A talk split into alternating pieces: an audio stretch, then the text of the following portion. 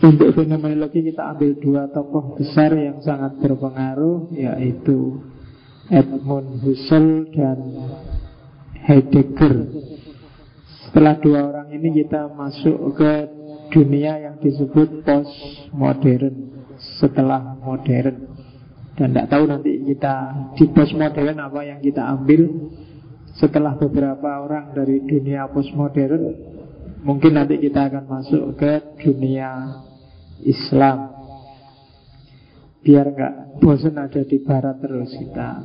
Agak nyebrang sedikit ke Islam nanti. Kalau Islamnya agak jenuh lagi ya kita balik lagi ke Barat terus ke Islam lagi bolak balik itu tidak apa-apa.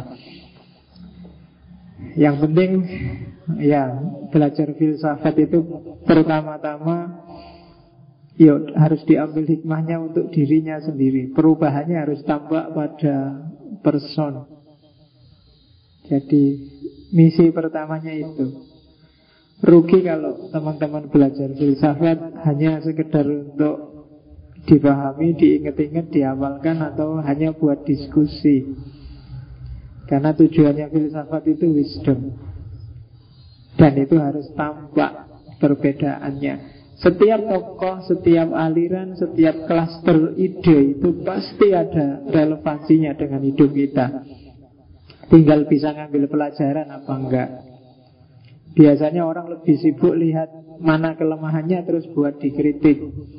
Iya level itu ya pasti kita akan ketemu Cuma pertama-tama kalau bahasa agamanya carilah hikmahnya Itu yang bikin dulu para filosof generasi filosof Islam generasi awal Menyebut bahwa filsafat itu nama lain dari hikmah Karena harus diambil hikmahnya dulu untuk hidup kita. Ya kayak eksistensialisme kemarin itu kan sebenarnya hikmahnya luar biasa untuk kita menghargai diri sendiri, pede dengan hidup kita sendiri, membangun identitas diri secara positif itu kan hikmah yang luar biasa dari eksistensialisme. Nanti fenomenologi pasti juga banyak hikmahnya Apalagi fenomenologi ini jadi ambang pintu untuk kita masuk ke dunia nanti yang disebut postmodern Jadi fungsi paling utama filsafat bagi saya justru itu Karakter building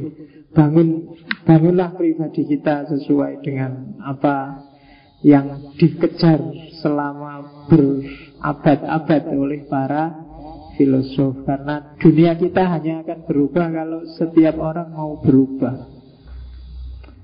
Kita tidak bisa menggantungkan diri pada orang lain. Kuncinya tetap pada diri kita sendiri. Kamu susah, kamu bingung, hidupnya rumit atau ada masalah sebenarnya gara-gara dirimu sendiri. Kayak saya lupa ada cerita di Sufi yang menurut saya bagus. Jadi ada cerita seorang raja.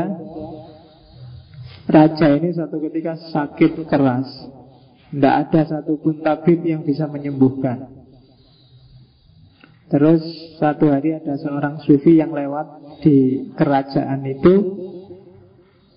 Sama rajanya dipanggil karena ini sufi besar yang punya pengaruh luar biasa. Terus dipanggil kira-kira raja yang bisa menyembuhkan penyakitku itu apa setelah sama rajanya diperiksa, di, dilihat penyakitnya apa, terus nasihatnya si Sufi ini penyakitmu akan sembuh kalau kamu banyak lihat hijau-hijauan, banyak lihat warna hijau. Setelah itu sufinya pergi dan rajanya karena ikut kata si sufi ini terus akhirnya memerintahkan semuanya dicat hijau. Jadi temboknya kerajaan dicat hijau, bentengnya dicat hijau, semua rakyatnya ke mana-mana harus pakai baju hijau, pengawalnya kopiahnya harus warna hijau. Kalau mau ngecat rambut semua harus dibikin hijau biar rajanya lihat hijau-hijauan terus. Dan nggak ada yang berani bantah mau merojo. Ah, tapi benar, lama-lama penyakitnya agak mendingan, agak sembuh, agak dia sehat.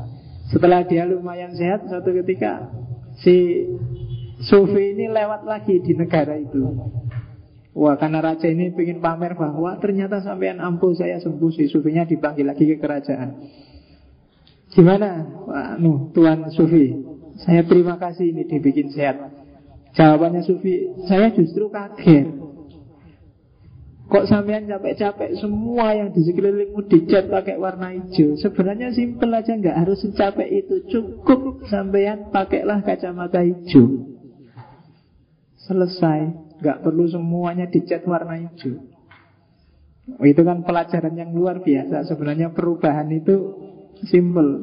Kamu sendiri yang berubah. Jadi ini ada hubungannya sama pemilu. Sebentar lagi. Jadi jangan terlalu berharap, jangan terlalu us pokoknya nanti nek presiden sopo nanti ada perubahan apa? Enggak. Perubahan itu dimulai dari dirimu sendiri.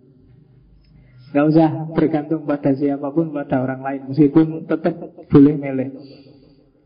Hukumnya mubah. Jadi boleh milih, boleh enggak itu hakmu.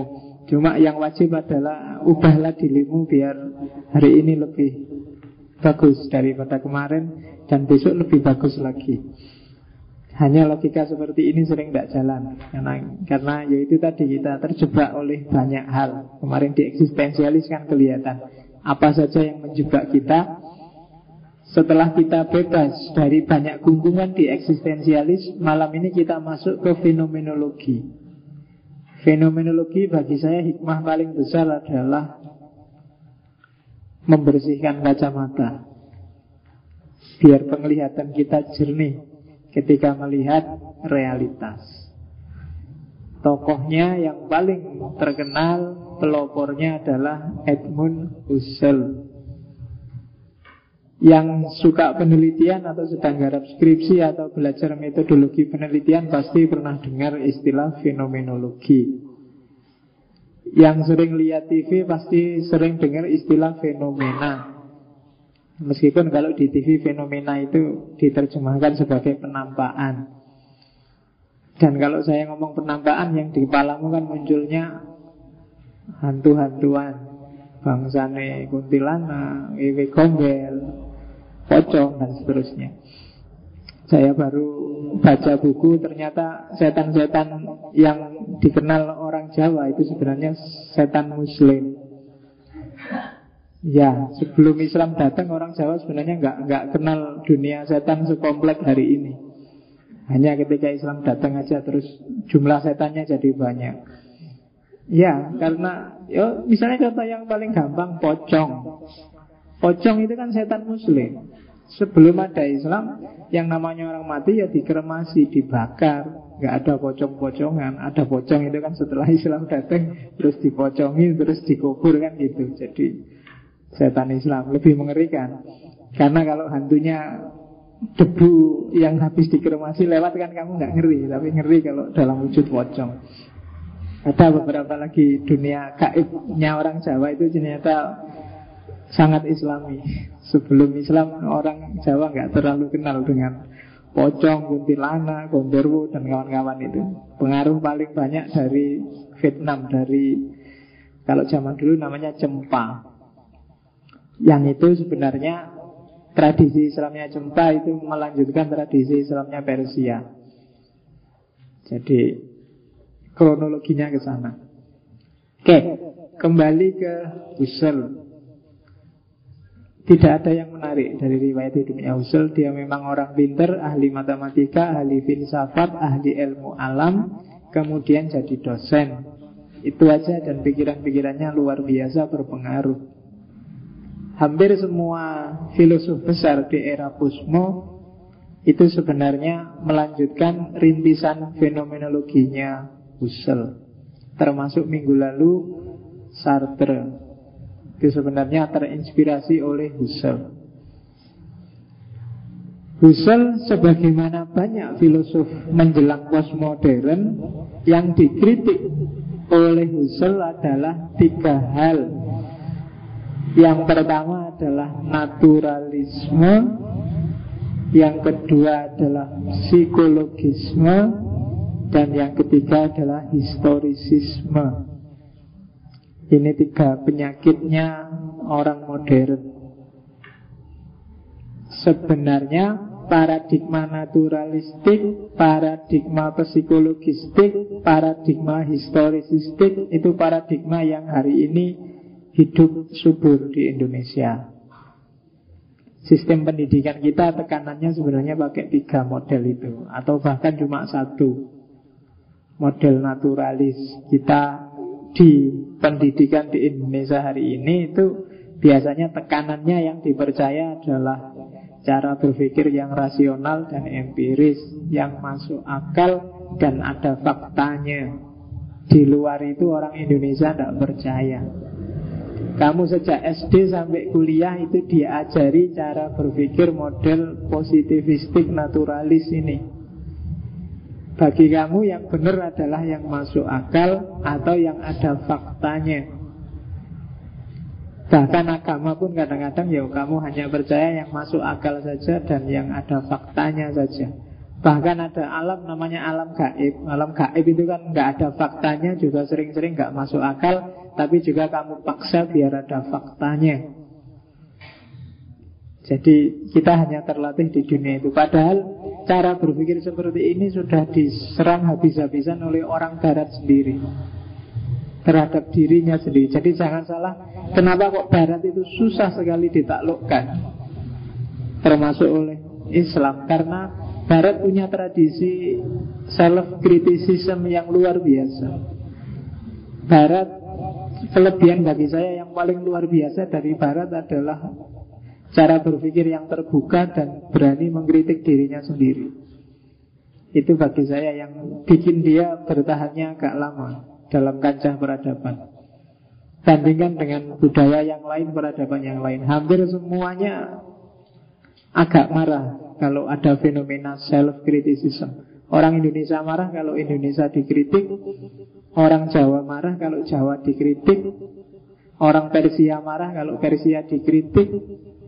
Tapi kalau Barat enggak. Tradisi kritik diri Barat ini yang agak agak susah kita tiru. Di dunia Islam orang susah mengkritik dirinya sendiri. Yang paling enak memang nyari kesalahannya orang lain. Kampanye itu kamu dengar nggak ada kan kampanye yang bilang saya itu ada jeleknya tapi saya janji besok nggak akan lagi kan nggak ada. Mesti aku apik sing liyane elek kabeh. Itu kampanye mesti kan. Dan jarang yang ada yang ada kritik diri ngomong saya itu bagus di sini loh, cuma agak lemah di sini. Tapi saya janji kalau saya jadi bagian tak lemah ini tak ngangkat orang-orang yang ahli. Kok gitu kampanye realistis. Tapi kan enggak seolah-olah kalau saya jadi presiden Indonesia langsung makmur. Tiap desa tak kasih uang sekian M. Kan gitu kampanye. Dan kembali ke sini karena memang paradigma kita adalah paradigma yang agak kaku, naturalistik, positivistik. Sebenarnya itu. Ini akan agak gawat kalau ditambahi lagi paradigma ekonominya adalah ekonomi yang kapitalistik. Jadi kombinasi yang pas antara logikanya positivistik, ekonominya kapitalistik, apalagi kalau ditambah pemerintahannya yang otoritarianistik, itu klop kombinasi yang luar biasa untuk bikin kita sengsara. Ya, karena modal kemudian pusaran budaya, kemudian cara berpikir, kemudian segala hal itu akan akan kayak Indonesia hari ini. Yang kaya jadi semakin kaya karena rasional. Masuk akal dong orang yang modalnya banyak dia bisa menumpuk kekayaan lebih banyak lagi. Karena usahanya semakin ke mana-mana kapitalisme dan yo ya, memang masuk akal hanya tiap orang untuk cari uang sebanyak-banyaknya. Kalau kamu melarat kan salahmu dewe. Kenapa kamu jadi orang melarat? Kan gitu. Nah, itu itu naturalisme yang sangat dikritik pertama-tama oleh Husserl. Apa iya sih hidup itu yang benar hanya yang positivistik? Yang kedua psikologisme.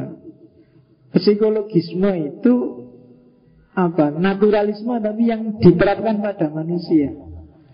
Melihat manusia tapi pakai perangkat ilmu alat, pakai perangkat ilmu alam. Jadi manusia diposisikan secara positivistik Padahal manusia itu kan tidak sama Sisi-sisinya dengan alam semesta. Kalau alam serba terukur, serba bisa dilihat, serba bisa diakses. Kalau manusia yang kelihatan tidak selalu menunjukkan apa isinya. Kalau kuda meringkik itu orang bisa meramal oh ini dia lapar apa dia sedang nggak enak apa itu kuda tapi kalau manusia nggak bisa. Manusia senyum itu nggak mesti dia seneng kadang-kadang kebanyakan apalagi di Jawa itu senyum itu 90% basa basi ya kan senyum yang murni itu tidak ada kalau seneng ya ketawa Senyum itu rata-rata bahasa basi. Coba kamu lihat. Kamu senyum itu dalam momen apa? Kan dalam momen bahasa basi biasanya. Kalau saya seneng, kalau seneng nggak senyum kamu kan ketawa. Coba dilihat. Paling yang paling rajin senyum biasanya SPG terus bangsa nih. Iya kan? Tulus bocor. Nanti kalau kamu ke mall ke amplas itu ada SPG senyum. Coba tanya, tulus nggak mbak? Mesti deh ya. Ya ngomongnya ya tulus. Cuma ya ngomongnya juga bahasa basi. Dan itu kalau di peradaban kapitalis apalagi model Indonesia itu kan yang disenyumi bukan dirimu tapi dompetmu. Kalau kamu begitu ngerti dompetmu nggak ada isinya mesti dia nggak akan senyum lagi. Makanya kalau kamu ke mall jalan-jalan kok kelihatan kayamu kayak mahasiswa nggak akan disenyumi. Kayamu kayak orang kaya kayak apa mesti disenyumi. Manusia tidak bisa ditebak tapi ya tidak semua senyum basa-basi. Wong senyum aja kan jenisnya macam-macam. Ada senyum seneng, ada senyum basa-basi, ada senyum sinis. Paling nggak enak kan senyum sinis. Jadi kalau ada orang bilang, ya tersenyumlah pada siapa pun itu. Ya tersenyum apa dulu? Kalau senyum sinis ya bisa nambah musuh banyak tiap hari. Nggak selalu senyum itu konotasinya bagus. Psikologi psikologisme. Biasanya orang menyebutnya psikologi yang behavioristik. Jadi melihat manusia kayak mesin, kayak alam. Oh, kalau bayi itu usia di bawah satu tahun, kesenangannya adalah kalau ibunya ada atau kesenangannya hanya sifatnya fisik untuk memenuhi fitrahnya untuk tumbuh. Kalau sudah agak besar dikit, sekitar umur-umur SD itu dia sudah mulai sosialisasi, kesukaannya adalah sama teman-teman yang sesama jenis. Nanti kalau sudah ABG sekitar belasan tahun, yang bikin dia seneng itu teman-temannya yang lawan jenis, mulai kenal lawan jenis, mulai SMS-an sama pacarnya, mulai kenal mana cakep, mana jelek. Kemudian, nah itu diramal seperti itu kalau behaviorisme. Sementara kalau kritiknya usul apa iya sih manusia seperti itu. Hari ini anak SD itu jangan salah, SD kemarin katanya Bu Risma di Surabaya itu ternyata pelanggannya Doli yang umur 60 ke atas itu anak-anak SD. Nggak nyambung kan pikiranmu, kamu aja nggak pernah. Anak-anak SD yang kecil-kecil itu mungkin nggak tahu gimana triknya sampai bisa masuk ke sana Ya karena yang 60-an yang umur-umur tua itu kan sudah nggak punya pelanggan dan memanfaatkan anak-anak SD ini. Murah itu, seribu dua ribu. Loh, katanya begitu memang. Jadi saya sewunan loh kamu untuk gratis. Parkir aja sekarang nggak boleh saya borongnya. itu di sana Anak SD, kalau secara psikologi belum saatnya dia mikirnya belum ke sana harusnya. Harusnya masih mikir main-main, tapi sudah bisa mikir ke sana. Sudah ada kasus perkosaan, sudah ada kasus anak SD. Betul. Umur-umuran kamu ini harusnya sudah Nah kan itu kalau psikologi Perkembangan seumurmu mahasiswa ini mungkin sudah waktunya mikir masa depan sudah waktunya mikir kapan kawin, sudah waktunya mikir pekerjaan, mulai mikir mikir produktivitas dirinya. Kalau yang belum, belum itu Pak, saya masih belum mikir apa-apa, masih santai aja masih ada. Nah, secara behaviorisme kamu nggak normal.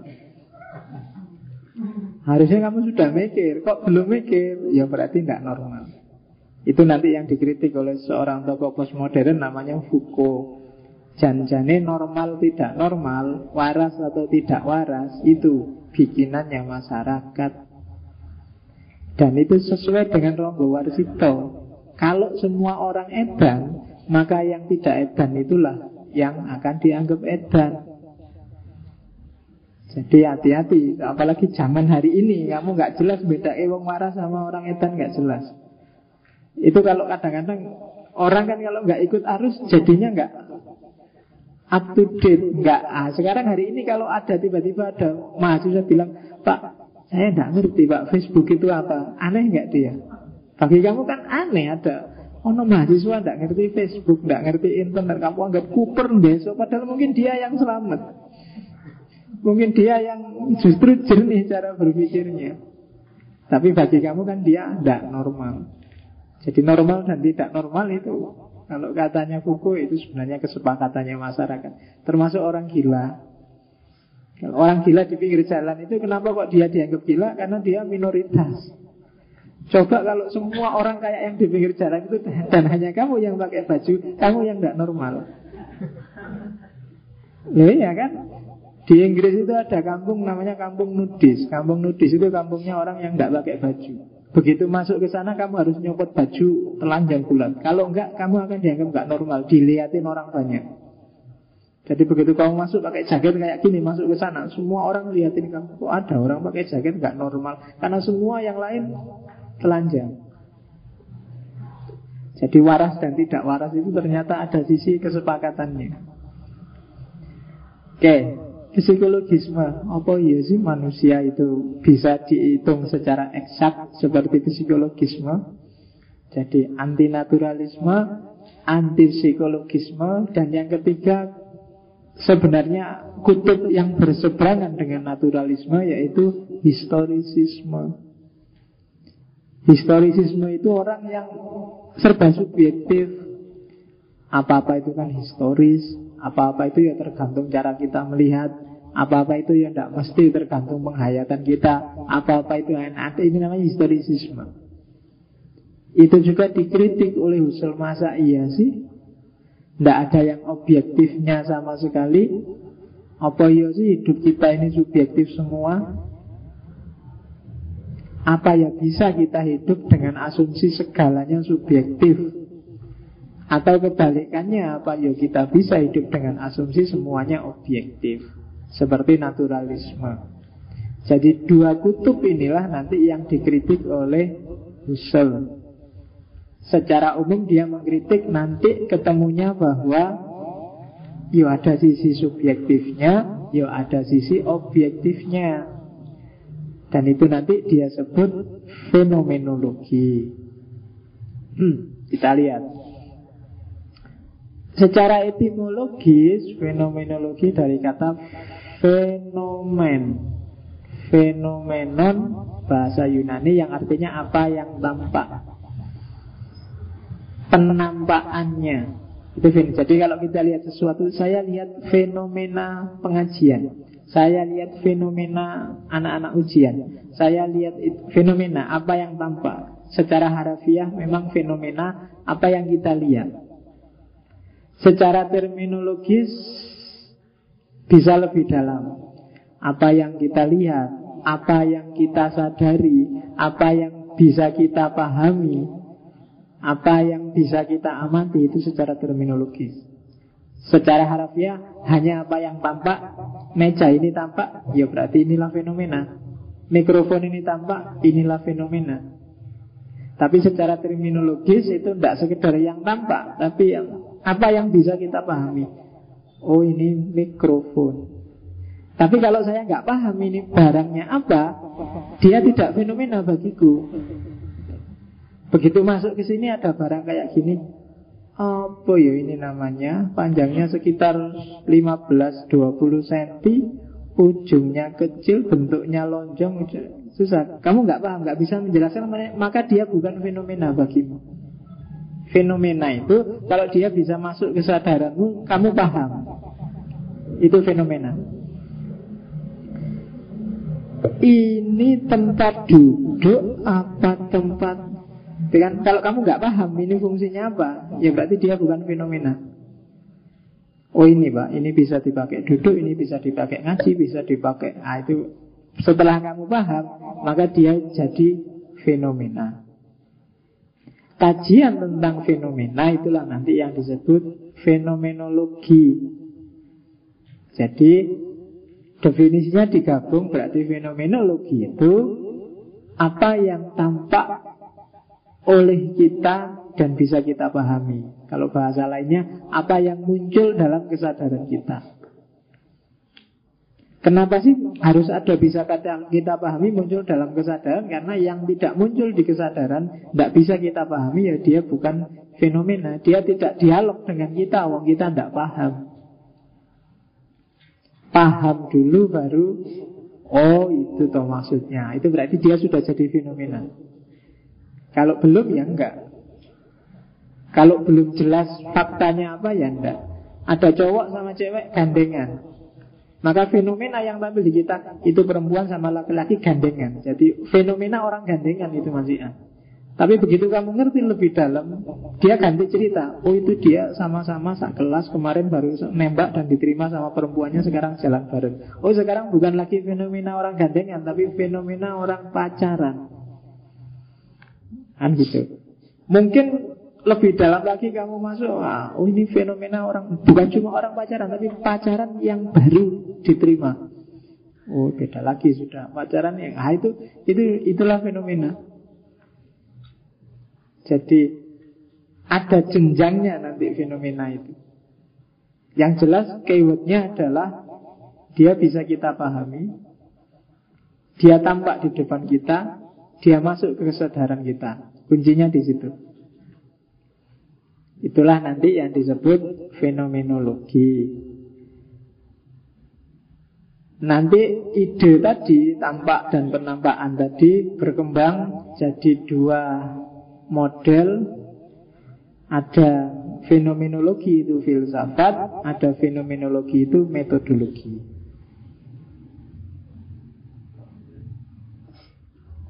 Ini fenomena orang minum atau fenomena orang haus? Kamu nggak bisa ngomong fenomena orang haus. Kamu kan baru ngerti saya minum. Alasannya haus atau tidak kan kamu perlu ngecek lagi. Sopo ngerti bukan karena saya haus, karena serak. Beda kan? Itu nanti kita lihat. Kenapa saya belum membolehkan kamu bilang fenomena orang haus. Baru kamu lihat fenomena orang minum. Oke, jadi ada filsafat, ada metodologi. Fenomenologi sebagai filsafat itu nanti punya tiga cabang besar. Yang pertama dan paling awal sebenarnya yang punyanya Husserl ini yaitu yang disebut transcendental fenomenologi.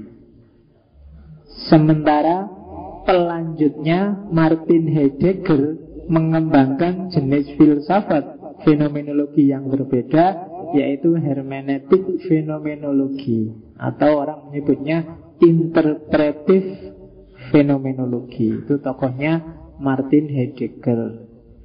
Masih ada lagi eksistensial fenomenologi. Biasanya diasosiasikan dengan Maurice Merleau-Ponty atau kemarin minggu lalu ketika kita ngomong yang Paul Sartre itu disebut juga pikirannya eksistensial fenomenologi ketika ngomong tentang aku dan yang lain. Yang eksistensial fenomenologi mungkin tidak akan kita bahas, silahkan direfer aja ke Sartre. Husserl akan kita bahas malam ini. Kalau Heidegger, insya Allah minggu depan. Mungkin nanti di Posmo kita ambil beberapa tokoh dari tradisi filsafat bahasa biar kita punya sedikit wawasan semantik dan semiotik melanjutkan idenya Heidegger karena Heidegger ini nanti penerusnya juga banyak. Jadi Husserl punya murid Heidegger, Heidegger punya banyak lagi murid Gadamer dan kawan-kawan yang melahirkan genre baru dalam dunia filsafat yang dikenal sebagai hermeneutika modern. Oke, jadi itu tokoh-tokohnya. Meskipun baru dipopulerkan kembali di zaman Husserl, sebenarnya ide awalnya teman-teman pasti sudah kenal yang punya ide awal fenomenologi itu Plato. Jadi problem penampakan itu kan dulu masih ingat kan tentang analogi gua dari Plato. Kalau tidak salah dibuka lagi rekamannya ketika ngomong tentang idealisme. Jadi hidup ini yang kita lihat itu hanya penampakan saja. Yang sejatinya mana harus digali. Tidak bisa hanya yang dilihat. Kalau di Plato itu kan kayak orang di dalam gua Mungkin kayak kamu di pengimaman itu ngadep ke sana jadi nggak tahu di belakangmu ada apa tapi terus di belakangmu banyak orang lewat dan kamu lihat bayangannya di depanmu. Dan hidup ini yang disebut penampakan ini hanya kita lihat bayangan-bayangan aja. Hakikatnya yang asli ada di sana. Cuma kalau di Plato kita tidak bisa noleh karena kita sedang dibelenggu, dipatok harus ke sana. Kita hidup di dunia ini kalau di Plato Apa pun yang kita lihat itu sebenarnya representasi Dari dunia yang sejati. Jadi dia bukan dunia yang asli Harus dikejar hakikatnya Itu kan Plato. Nah fenomena itu persis seperti ini. Jadi fenomena itu kan yang tampak di depan kita. Tadi kan kamu lihat saya minum. Terus kamu mencoba menggali bahwa saya minum berarti saya haus. Itu kan penggalianmu terhadap hakikatnya. Minumku itu hakikatnya ya karena haus tadi. Padahal kamu hanya lihat penampakan minumnya. Ya kayak kamu misalnya ikut ngaji ini bolak-balik angop. Ah, angop. Bebek angop lagi. Kayak saya tadi bolak-balik angop. Nah kamu kan, wah ngantuk ini mesti. Ngantuk beneran apa karena kamu capek kan nggak tahu Tapi orang meramalnya kamu ngantuk. Ngantuk itu kan hakikat yang nggak kelihatan Dari fenomena yang disebut angop. Apa bahasa Indonesia ini angop ya? Menguap. Tidak enak ya bahasanya. Menguap itu kan orang yang sedang Jadi uap dan hilang. Menguap. Begitu saja. Oke. Okay. Dulu di tempat saya Zaman saya kecil ada orang Pengajian kayak gini menguap Cuma karena menguapnya terlalu saking ngantuk emang gede ah ah tidak bisa balik. Jadi tulangnya yang sini agak geser berarti ah ayo nggak bisa balik nggak jadi ngantuk dia. Urusannya rumah sakit masalahnya. Jadi karena saking ngantuknya balik-balik wah wah giat ke ini nih agak makanya hati-hati kalau aku jangan terlalu dibuka karena ada, bisa geser ternyata tulang apa gigi yang belakang ini. Iya. Makanya ya dikira-kira lagi dari kekuatan angopmu seberapa jangan over aku. Oke, lagian bahaya kalau terlalu lebar itu. Jangan-jangan temenmu yang sekelilingnya kesedot nanti susah. Oke, jadi dari Plato. Gambarannya seperti ini. Yang kita lihat itu kan yang di tembok itu. Seolah-olah gambar kelincinya Padahal itu jenis tangan. Hakikat itu tangannya. Jadi yang realitas itu kan tangan. Sementara yang penampakan Pengalaman kita tentang realitas Yang tadi disebut fenomena Itu kan yang hitam itu Yang kayak kelinci itu. Jadi beda antara Sesuatu apa adanya Dengan sesuatu yang kita alami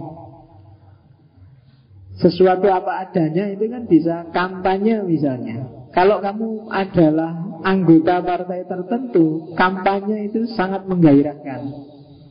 Tapi ketika kamu tidak punya partai apa-apa, tidak ngurusi pemilu, sudah bertekad mau golput, kampanye itu menyebalkan. Hakikat tangannya sama, cuma penampilan kalau itu gambar kelinci itu berarti gambar itu yang melahir di kesadaranmu, jadinya berbeda. Dan itu subjektivitas turut menentukan. Sebenarnya itu kan bukan gambar kelinci, yang bilang kelinci kan pikiranmu aja. Itu sebenarnya ya tangan aja, ya gambar hitam-hitam dengan pola seperti itu.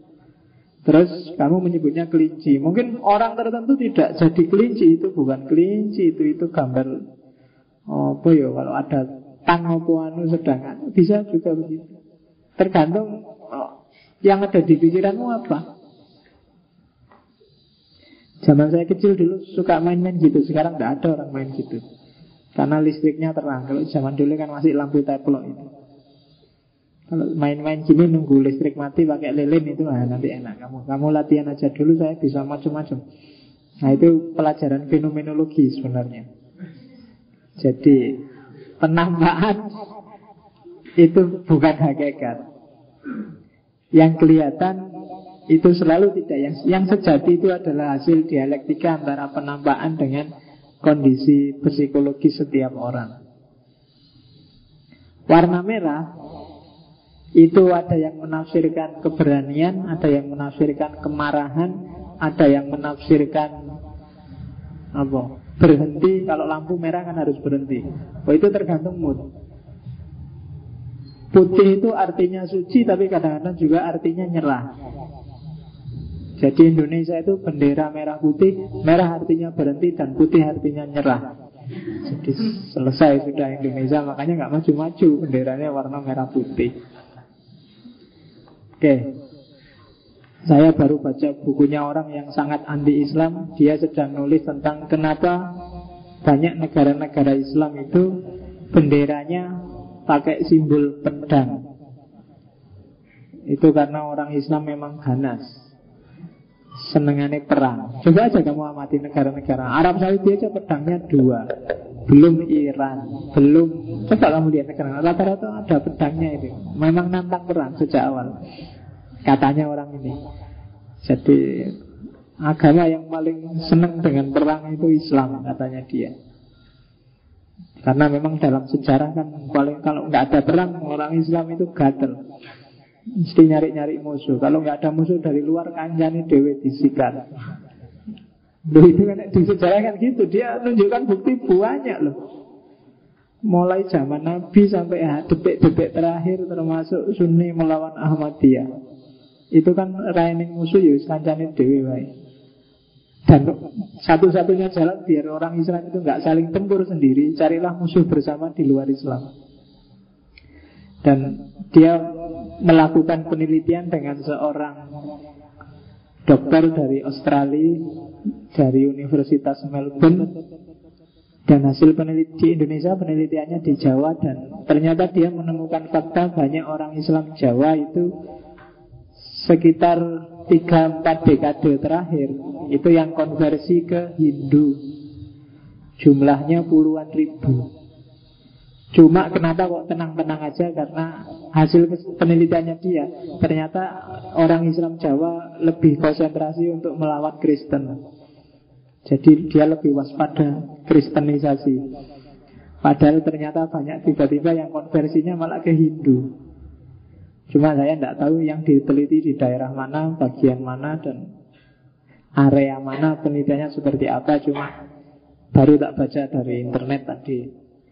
Jadi dua orang profesor dari University of Melbourne, Australia yang meneliti tentang Islam di Indonesia. Kalau Jogja saya tidak tahu berapa persen orang Hindunya ya Atau jangan-jangan memang semakin tambah cuma kita aja nggak sadar kita tiap hari kan sibuk dengan pastor masuk Islam, pastor gitu. Kita sibuk dengan Kristen, ada lagi lagi yang mewatiri ternyata Hindu. Oke, okay. ya coba kamu nanti surfing-surfing di internet atau ayo kita penelitian sendiri, benar nggak sih sejauh mana aktivitas teman-teman dari kelompok Hindu? Karena ya kalau konteksnya si peneliti Australia ini ingin melihat sejauh mana sensitivitas umat Islam hari ini.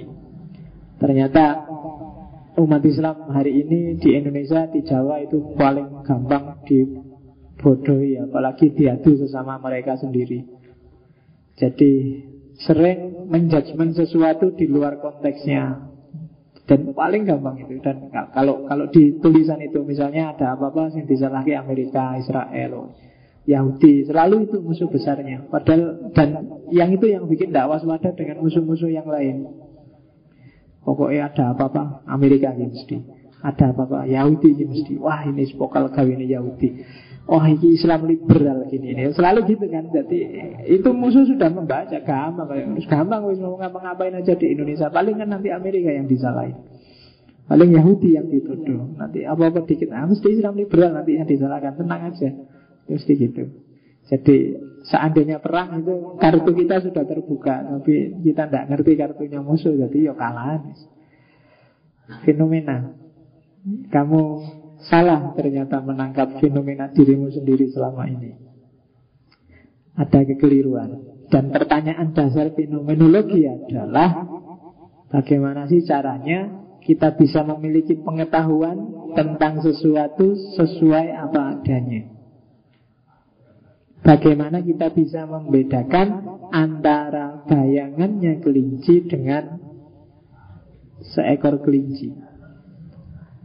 Bagaimana kita bisa menegaskan ini cuma bayangannya kelinci, hakikatnya adalah tangan. Kalau itu kelinci yang beneran. Nah itu yang digagas oleh fenomenologi. Maka akhirnya menurut Husserl Fenomenologi adalah Ilmu cabang pengetahuan Atau filsafat Yang mempelajari Apa yang tampak Atau apa yang menampakkan diri. Dan ini sebenarnya dulu sudah dimulai oleh Immanuel Kant. Cuma kalau Immanuel Kant sering saya bilang kan kalau menurut Immanuel Kant realitas itu tidak ada. Yang ada realitas menurut saya. Karena begitu tak lihat itu berarti kan versiku. Nah, itu kan kalau Immanuel Kant. Kalau Husserl tidak begitu katanya Husserl.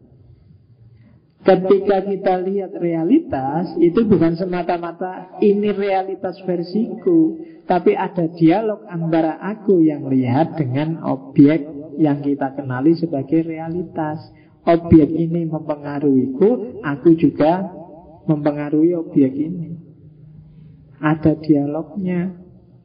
Kenapa ini tak sebut warnanya coklat? Karena dia sendiri punya warna coklat Ketemu dengan kesadaranku tentang warna-warna Kan gitu Kalau dikan Warna coklat ini dari aku Kalau ini tak sebut hitam Jadilah dia hitam Kalau ini tak sebut kusam Jadilah dia kusam Itu kan kalau dikan Tapi kalau diusul Yonda saya tidak berani akan nyebut ini warnanya putih. Kenapa? Karena dia menampakkan dirinya padaku dalam bentuk warna coklat.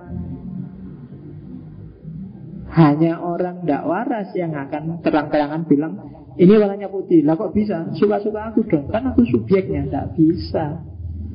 Objek itu menampilkan dirinya di depan kita. Kita membaca. Jadi ada dialog antara aku dengan objek ini. Gitu loh. Jadi ada ada dialektika. Jadi realitas ya memang ada realitasnya, bukan kita yang bikin realitas. Cuma konstitusinya realitas, bunyinya apa realitas, kita yang membunyikan. Cara kita yang membunyikan, ya dilihat dari tawarannya realitas dan kapasitas kita sebagai pembaca. Realitas tampil sebagai apa? Kan gitu. Kalau rambutmu lurus, tak lihat, kan aku lihatnya rambutmu lurus. Aku juga kan nggak bisa aku ngawur sakar bulu. Kan tergantung subjek. Rambutmu lurus, menurut aku itu tidak lurus. Itu masih keriting, tidak bisa. Kita tidak bisa ngawur. Jadi kesadaran itu sifatnya dialektis antara penampakannya dengan kesadaran kita. Bukan kok kesadaran saja Kayak di Siapa? Immanuel Kant yang dusting ansi Kalau di ML kan benda apa adanya Itu tidak mungkin kita temui Nggak ada benda apa adanya. Kalau diusul ya ada. Ya Yang ini benda apa adanya. Ini bangku apa adanya. Yang ketemu dengan kesadaran kita terus kita sebut bangku, kita sebut warnanya coklat. Aku kan nggak mungkin nyebut oh ini adalah pohon. Kan nggak mungkin. Oh ini adalah karpet. Kan nggak yang sebut karpet. Yang ini yang tak sebut bangku yang ini. Kalau pakai kan Kan yang membunyikan aku Barang apa adanya nggak ada Kalau ini tak sebut karpet Ini tak sebut bangku kan suka-suka aku Tapi kan tidak begitu katanya Husserl. Ya meskipun manusia punya kesadaran mengkonstitusi, tapi barang apa adanya juga menentukan pemahamannya orang. Maka kalau Immanuel kan punya kategori nomena sama fenomena, Husserl punya kategori noisis sama noima. Yes. Kamu apalin aja ya kata-kata kayak gini-gini guys. Sopo ngerti kapan-kapan ditanyain malaikat. Noisis, noima. Kalau noisis itu objek dari kesadaran. Kalau noema itu kesadaran objek. Jadi mikir kayak gini harus agak panjang. Ob objek dari kesadaran Berarti barangnya Bangkunya Karpetnya Mikrofonnya Laptopnya. Ini kan jadi objek dari kesadaran kita. Kalau noema Itu kesadaran kita tentang objek Bangkunya kok kurang tinggi ya Aku jadinya Nah ini karpetnya banyak debunya enggak ya? Itu kan kesadaran itu tentang objek. Itu namanya noema. Bangku apa adanya namanya noises. Kalau di kan kan yang apa adanya ini nggak bisa diakses. Kita lihat selanjutnya. Jadi itu bedanya. Jadi hidup kita isinya cuma dua. Realitas di sekeliling kita dan kita sendiri. Kita sendiri itu noema, yang punya kesadaran tentang objek dan realitas di sekeliling kita itulah noises objek dari kesadaran kita.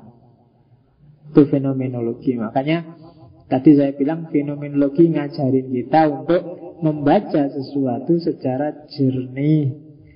Ngajarin kita bersih-bersih si pikiran. Nanti kita lihat gimana caranya bersih-bersih.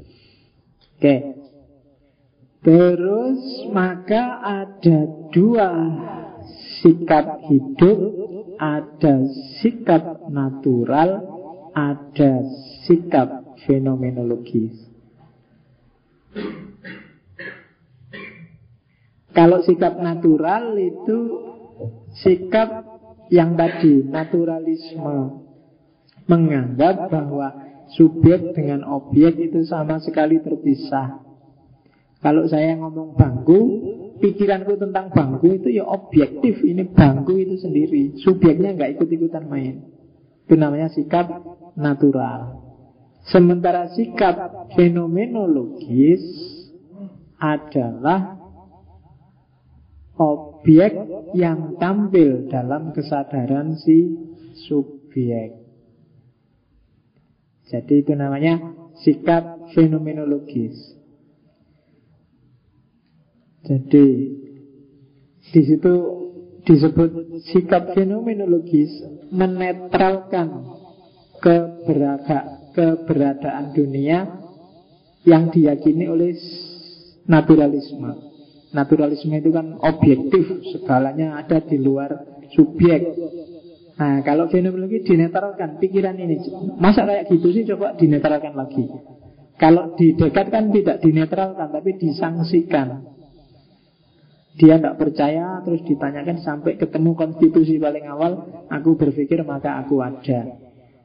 Kalau di Husserl Coba deh jangan gitu dulu Coba dicermati. Jangan-jangan yang kita anggap Realitas apa adanya Itu sebenarnya konstitusi realitas versi kita. Yang hari ini populer apa? Jokowi misalnya. Jokowi itu orang baik prospek untuk Indonesia ke depan atau orang jelek berdasarkan track recordnya yang tidak pernah selesai jadi pimpinan. Loh kan, itu realitas. Melihatnya dari mana ya? Nah, saya tidak tahu yang ada di pikiran apa tentang Jokowi, tapi konstitusi pikiranmu, kesadaran yang ada dalam dirimu tentang Jokowi, ya itu, ya itu memang Jokowi, ya memang itulah Jokowi, cuma versimu. Kalau di naturalisme, yang versimu ini dianggap yus, itulah hakikat inti Jokowi seluruhnya 100%. Padahal dia mungkin yang versimu itu tidak 100%, itu hanya satu sisi dari Jokowi. Dan orang yang mendewakan Jokowi, dia melihat Jokowi dari sisi yang lain. Itulah fenomenologi namanya. Meyakini bahwa yang saya pahami hari ini hanya salah satu profil dari realitas. Orang lain bisa membidik, bisa punya banyak profil yang lain. Maka untuk memahami lebih dalam harus ada pengamatan terus-menerus. Jadi kalau kamu penelitian fenomenologi, harusnya penelitian itu tidak cepat, harus lama. Kenapa? Tidak sekedar objek menampilkan dirinya pada subjek, tapi ketika objek tampil pada subjek itu hanya salah satu sisi dari objek dipergauli lagi akan tampil sisinya yang lain. Ditemui lagi akan ketemu lagi sisinya yang lain. Yang tidak sekedar seperti kamu lihat di kesan pertama.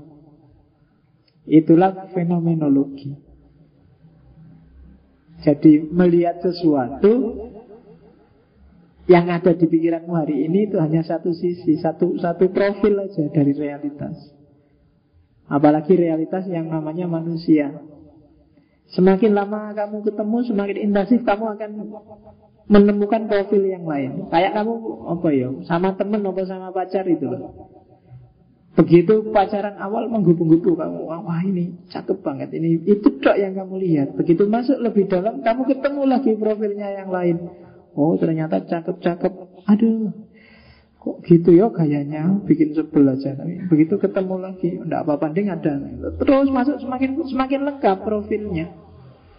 Nah, itu kalau naturalis itu begitu kamu kenal kamu anggap ya wis dia itu kayak gini ini wis. Nah, makanya tadi tak bilang kita itu sering-sering masih naturalis. Yang tidak seneng Soeharto. Soeharto itu neraka Kan gitu. Karena kamu lihat hanya satu profilnya Soeharto. Yang mendewakan Soeharto, ah, hanya melihat profil. Penak zamannya Soeharto bien. Jadi anteknya Soeharto pun tidak apa-apa. Jadi that's, dia hanya lihat Soeharto di satu profil. SBY juga begitu. Yang suka SBY sama bangsane Rusi Tompul CS itu kan SBY kan ngalang-alai ah, malaikat supaya tidak bisa salah SBY itu. Jos pokoknya. Karena dia hanya lihat satu profilnya SBY sementara yang benci SBY juga dengan satu profilnya. Bagaimana SBY tampil di kesadarannya di kesadaranku di kesadaranmu. Dan itu profil demi profil. Semakin lama kamu kenal mungkin konstitusi SBY-nya berubah konstitusi tentang Soeharto-nya berubah konstitusi tentang. Dan itulah yang terjadi saat kita memahami sesuatu versi fenomenologi. Dan ini nanti kan gaya seperti ini menginspirasi hampir semua tradisi berpikir belakangnya yang kita kenal sebagai postmodern. Ternyata manusia seperti ini cara berpikirnya. Kenapa orang desa seperti itu? Kenapa orang kota seperti itu? Kenapa Islam seperti itu? Karena dia memasukkan realitas dalam kesadarannya secara berbeda. nah itu mm, bedanya sikap natural dengan sikap fenomenologis. Terus Husserl punya dua asumsi. Berarti katanya Husserl pemahaman itu yang sifatnya fenomenologis yang pertama adalah sifatnya subjektif berdasarkan pengalaman tapi yang kedua intensional. Nah, itu kalau subjektif kita sudah ngerti lah bahwa ternyata kesadaran subjek itu menentukan pemahaman kesadaran yang ada di pikiran kita itu menentukan cara kita menangkap realitas. Di desa misalnya, saya kapan itu pulang kampung, kemudian Satu ketika terpaksa harus disuruh ngasih sambutan Begitu saya mau ngasih sambutan Sama Ada keluarga yang bilang Eh jangan naik panggung dulu. Pakai kopiah dulu. Harus pakai kopiah karena, karena dalam kesadarannya mereka ya, Kopiah itu salah satu Di pesantren kan gitu. Salah satu bagian dari Apa nilai intelektual Apa ya Kayak di hadis itu loh. Seorang kalau sudah nyopot kopiahnya itu riwayatnya perlu dipertanyakan. Perawinya pakai nyopot kopiah, kencing pinggir jalan, kencing berdiri itu salah satu jenis yang jangan boleh disuruh ceramah karena ini meragukan kapasitas kesolehannya.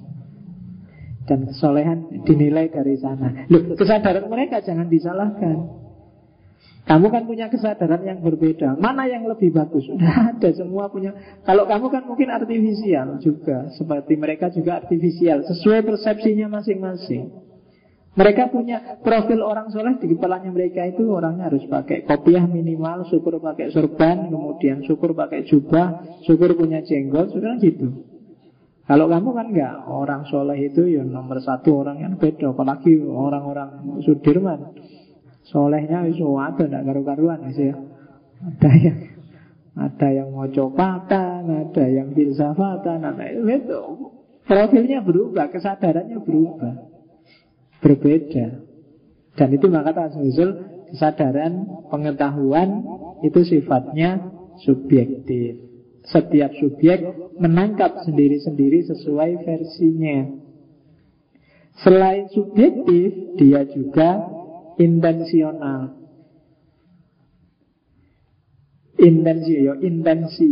Intensi itu menuju ke sesuatu. Jadi intensionalitas. Kesadaran itu selalu mengarah ke sesuatu dan tentang sesuatu. Jadi kalau ada orang ngomong Baru sadar aku Pasti itu tentang sesuatu. Baru paham aku Pasti itu tentang sesuatu. Harus ada objeknya Tidak boleh blank. Ah, hari ini aku tercerahkan. Tercerahkan dalam hal apa dulu? Pasti harus ada objeknya. Kalau nggak ada objeknya Patut kamu ragukan dia tercerahkan dalam apa Baru ngerti aku Mesti kan baru ngerti tentang apa Kan banyak mahasiswa yang rotok gaya itu kan Kenapa kamu kok gitu? Saya sedang mencari pencerahan Lu kamu pencerahan itu tentang apa? Di bidang apa? Dalam hal apa? Harus jelas Kenapa? Kesadaran-kesadaran termasuk yang jenisnya Pencerahan itu sifatnya intensional Harus ada objeknya Kalau nggak ada objeknya itu cuma omong kosong Nggak jelas nggak ada targetnya. Ya kayak mahasiswa nggak ya kan saya zaman dulu sering ada mahasiswa. Saya sedang dalam pencarian ini pak. Sholat males, poso males, alasannya pencarian. Lu ndak apa-apa kalau nyari Cuma bangsa pencarian Bangsa pemahaman itu harus ada objeknya. Kalau itu pencarian yang kamu cari apa? Kan harus jelas. Gak tahu pak. Ini Pokoknya nyari eh, Nyari kok gak tahu. Lagi ketemu nih kapan Kalau nyari aja gak tahu nyari apa? Ya di jalan itu Ya gak ketemu tetep Kamu nyari apa aja gak jelas. Setelah kamu tahu pencarian Nyari apa Baru terus Caramu nyari gimana? Kan gitu. Kalau nyari cewek yang neng asrama putri kan simpel. Kalau nyari kan gitu. Ini sedang. Kalau nyarinya nggak jelas ya. Kalau nyari Tuhan ya, Emangnya Tuhan pernah hilang? Kok kamu cari? Ya kan? Jadi nyarinya gimana dulu sekarang dengan baca buku kan, dengan diskusi kan, dengan wong pencarian ya penggayaan gitaran, ngerokok, hal sudah jelas semua ya, ya? Ketemu yang kamu cari dengan gitaran, ngerokok, nongkrong, ngobrol dan kawan-kawan itu tadi. Harus jelas kalau ada yang gaya pencarian Saya nyari ini Caranya nyari seperti ini. Terus ukuran sudah nemu apa belum itu apa juga jelas kan?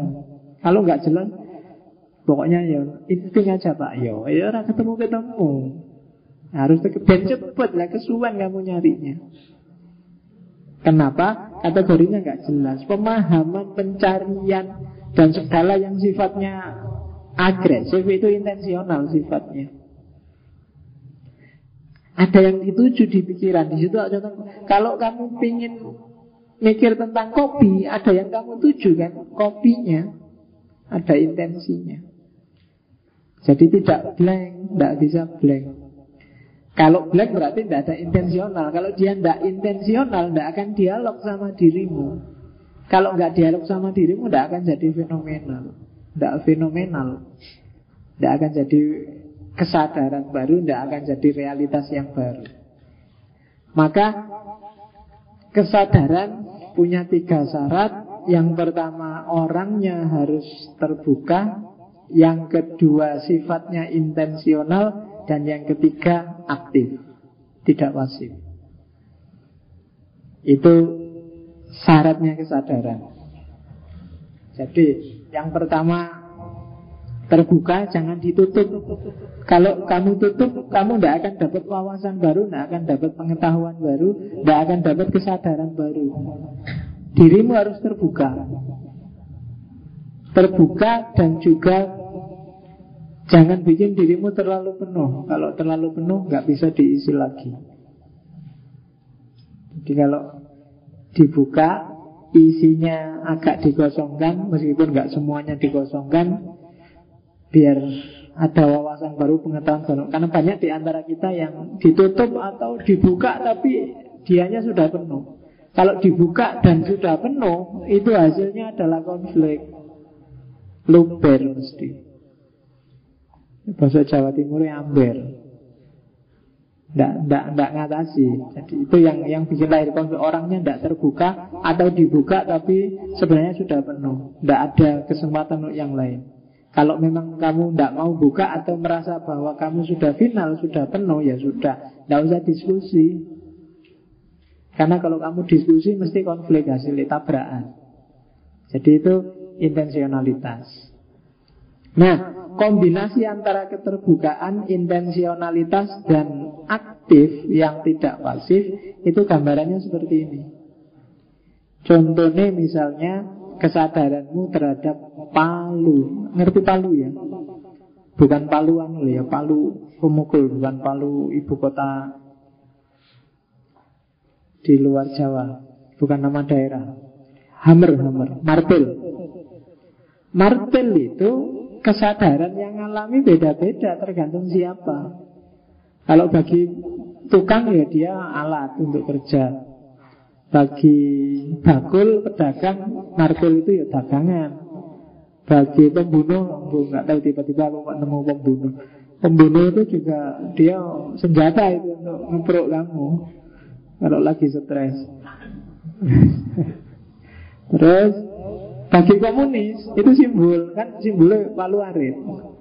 Kan begitu lihat palu, wah simbol berarti kamu komunis. Kalau yang muncul di kesadaranmu itu. Bagi anak-anak itu mainan. Ya kan? Palunya sama, tapi kesadaran yang muncul di siapanya beda. Barangnya juga masih sama seperti itu. Bagi filosof kayak yang digambar itu, palu itu Dipikir itu jeruk. Oke. Kenapa kok ada palu? Apa tujuannya palu? Itu filosof, bahan refleksi. Jadi barangnya sama, palunya sama, tapi dia tampil di kesadaran tiap orang beda-beda. Tergantung orang. Apakah terus itu namanya subjektif? Enggak, katanya usul. Tapi bentuknya tetap ya itu, palunya ya itu. Hanya saja dibunyikan secara berbeda oleh masing-masing individu. Yang membedakan bukan objeknya, tapi kacamata ya. Kayak raja tadi lo kacamatanya. Kalau dia pakai kacamata hijau palunya jadi warna hijau. Kalau dia pakai kacamata merah palunya jadi warna merah. Dan kesadaran yang beragam itu nanti kalau di dunia manusia kita sebut sebagai makna Kan itu ini kan sama dengan makna. Tukang memaknai palu sebagai alat kerja. Pedagang memaknai palu sebagai barang dagangan. Pembunuh memaknai malu palu sebagai senjata mematikan. Ya, terus itulah makna.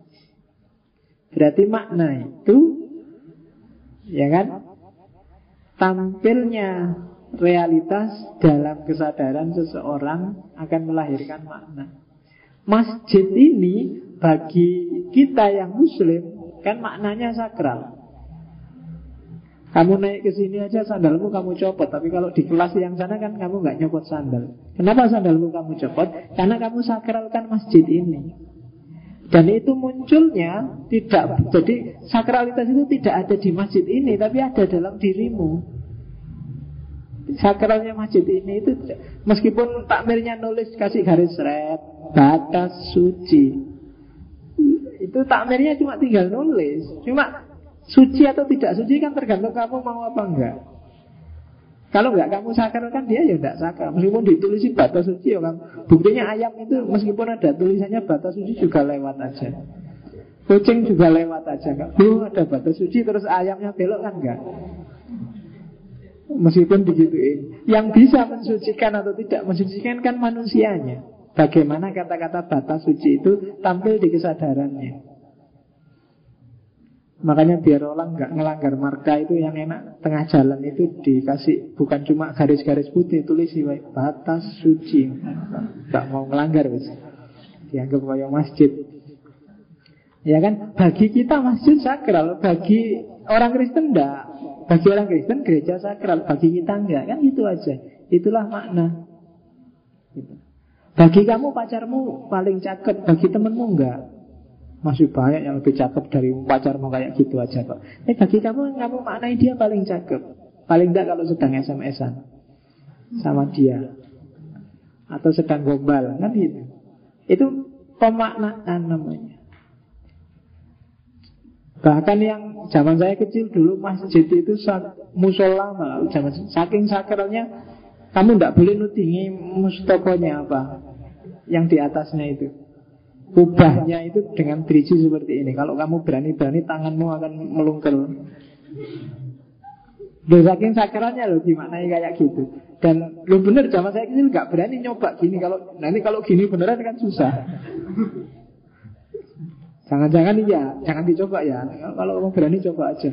Tapi saya nggak tanggung jawab kalau tiba-tiba melungkel beneran. Iya, kita kan agak ngeri-ngeri gimana gitu kan. Karena cara berpikir kita masih ke sana. Tapi itulah makna. Setiap orang memaknai sesuai sesuai historisitasnya sendiri-sendiri. Gitu. Tunas kelapa. Tunas kelapa itu kan sebenarnya ya cuma kelapa yang belum jadi Tapi terus dimaknai jadi oleh pramuka dia dimaknai jadi simbol keremajaan simbol. Jadi ya cuma tunas kelapa biasa Warna merah sama warna putih itu ya biasa aja. Lampu merah itu kan ya cuma lampu yang warnanya merah simple. Cuma begitu dia ada di pinggir jalan, kamu maknai dia sebagai berhenti. Itu kan dari kamu. Seandainya kamu nggak maknai sebagai berhenti, kamu lewat aja juga tidak apa-apa dan bisa kok. Urusan polisi kan urusan sekian. Tapi bisa, tapi kamu berhenti kan? Kenapa? Dari kamu sendiri berhenti itu. Kamu sendiri yang memaknai. Dan tidak pada lampunya Meskipun lampunya kamu ambil Kamu taruh depan kamarmu Kamu nyala merah, nggak boleh masuk kamar nggak ada yang peduli Kenapa? Kamu memaknainya secara berbeda Itulah makna Yang lahir karena kesadaran subjektif. Dan orang dalam dimensi iro Orang nggak bisa dipaksa loh. Makna memaknai itu nggak bisa dipaksa. Kamu bisa dipaksa datang di ngaji malam ini Tapi kamu nggak bisa dipaksa Maknailah ngaji ini sebagai penting Nggak bisa. Kalau kamu ke sininya dipaksa Kesadaran yang muncul ini ngaji paling menyebalkan di sini. Nah itu makna sudah Dan hidupnya manusia polanya seperti ini Kalau di usul.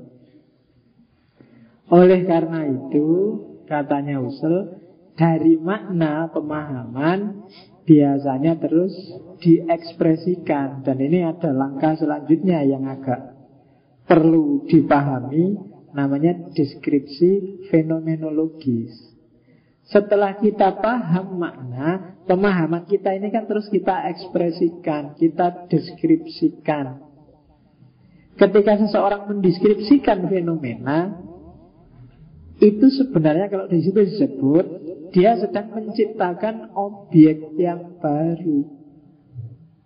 Maksudnya apa sih? Kayak tadi loh, masjid ini itu ya cuma masjid biasa, sama kayak rumah, kayak sama kayak semua bangunan yang lain. Cuma kita kan memaknainya secara berbeda. Nah, kalau kita ekspresikan pemaknaan kita, ini kan sebenarnya kita sedang melahirkan sesuatu yang baru. Jadi memaknai sesuatu itu sama dengan dalam tanda petik menciptakan sesuatu. Janjanya cuma lampu, tapi kita ciptakan dia jadi alat untuk nyetop manusia. Janjanya cuma bangunan, ada temboknya, ada lantainya. Tapi kita ciptakan dia sebagai tempat beribadah yang sakral. Itu kan kita. Jadi deskripsi fenomenologis itu nggak cuma memaparkan, tapi sebenarnya dia sedang menciptakan objek yang baru. Kalau kamu melakukan penelitian, pendekatannya fenomenologis, hasil penelitianmu yang menurut kamu deskriptif ini sesuai objeknya mbak itu sebenarnya bukan sesuai objeknya, sesuai objeknya versi kamu. Tidak sesuai sama persis kayak objeknya apa adanya, nggak ada seperti itu. Tapi sesuai objeknya sebagaimana kamu tangkap saat itu. Itulah sehingga dia disebut menciptakan sesuatu yang baru. Sesuai yang tampil dalam kesadaran. Kalau sesuai objeknya apa adanya mungkin malah enggak. Enggak ada maknanya apa-apa. Karena setiap orang memaknai maka sebenarnya dia sedang menciptakan sesuatu yang baru. Itu loh. Oke. Tak kasih tombongan untuk sebentar. Yang tampil di kesadaranmu apa? Lihat gambar ini. Iya. Kamu gak terima kan kalau disebut mirip. Oke ya. Kamu mesti bilangnya kontras. Itulah kesadaran. Padahal ya kalau dicermati, jadi ya podoa ya. Yang sebelah kiri ada hidungnya, sebelah kanan ada hidungnya, sebelah kiri ada bibir. Saya lengkap, sama-sama lengkap. Cuma bagi kamu kan jauh pak itu jauh. Ya itulah kriteriamu. Ya kan? Kriteria di dunia yang lain mungkin lebih milih yang hitam yang sebelah sana itu. Yang putih itu Anda. Tidak enak. Tidak cuma laki-laki kadang perempuan juga mungkin milih. Ya yang sana Tyson, yang sini Sebenarnya itu istrinya seorang syekh dari Arab Saya lupa namanya Ratu siapa ya, Tak comot aja dari internet Inggut tembongan tuh. Kesadaran yang muncul lihat gambar itu kan kamu, kamu tinggal kamu cermati aja. Apa sih begitu kamu menangkap gambar ini yang lahir? Seandainya kamu ingin mendeskripsikan apa? Ada yang bilang kontras pak. Mirip pak. Itu kan ciptaanmu sendiri. Gambarnya sendiri ya tetap sekedar seperti itu. Tapi setiap lihat sesuatu kamu ciptakan makna-makna. Itu anu pak. Beauty and the beast oh, bahasamu kan? Oh itu ini anu pak. TV zaman dulu pak. Hitam putih. Oh, ini anu, eh, gambar itu ciptaanmu semua ketika kamu bikin narasi apa pun itu. Objeknya ya seperti itu sudah. Itu jelek sama cantik pak. Versimu. Versi orang lain mungkin beda Jelek dan cantiknya dia. Kalau bagi kamu yang sini menarik Yang sana nggak menarik. Bagi yang lain kebalikannya Justru yang sini nggak menarik Yang sana justru menarik. That's kesadaran masing-masing. Yo yang jelas kan Yang laki-laki suka yang Sini pak. Yang Perempuan suka yang sana, nggak mesti juga. Perempuan yang sana yang jijik juga banyak. Laki-laki lihat sini nggak suka, malah suka yang sini juga ada. Jadi tergantung masing-masing kesadaran.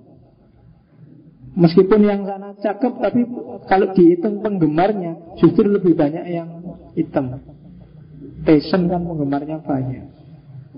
Sementara yang sini nggak ada yang kenal loh istrinya Syekh Arab.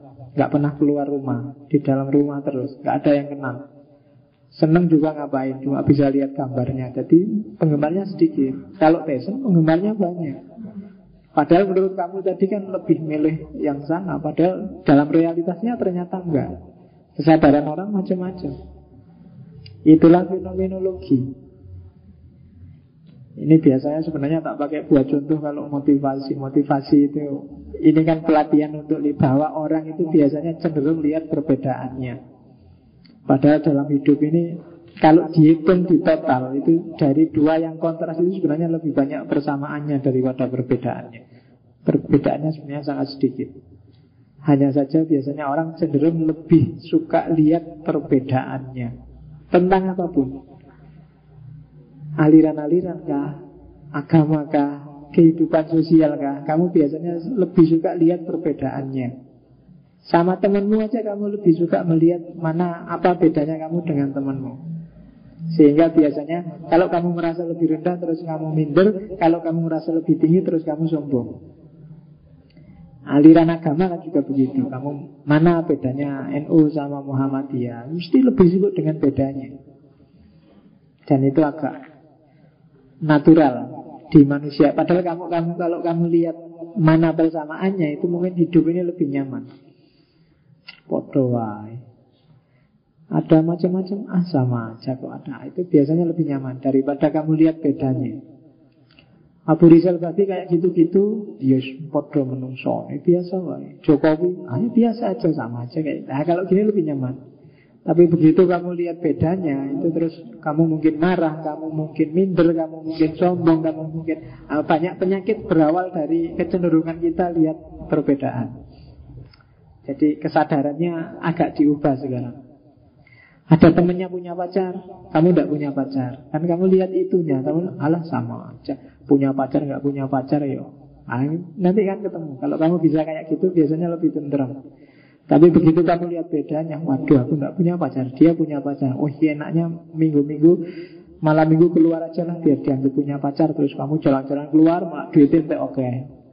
dan nggak ada orang yang muji-muji kamu wah malam mingguan ya nggak ada.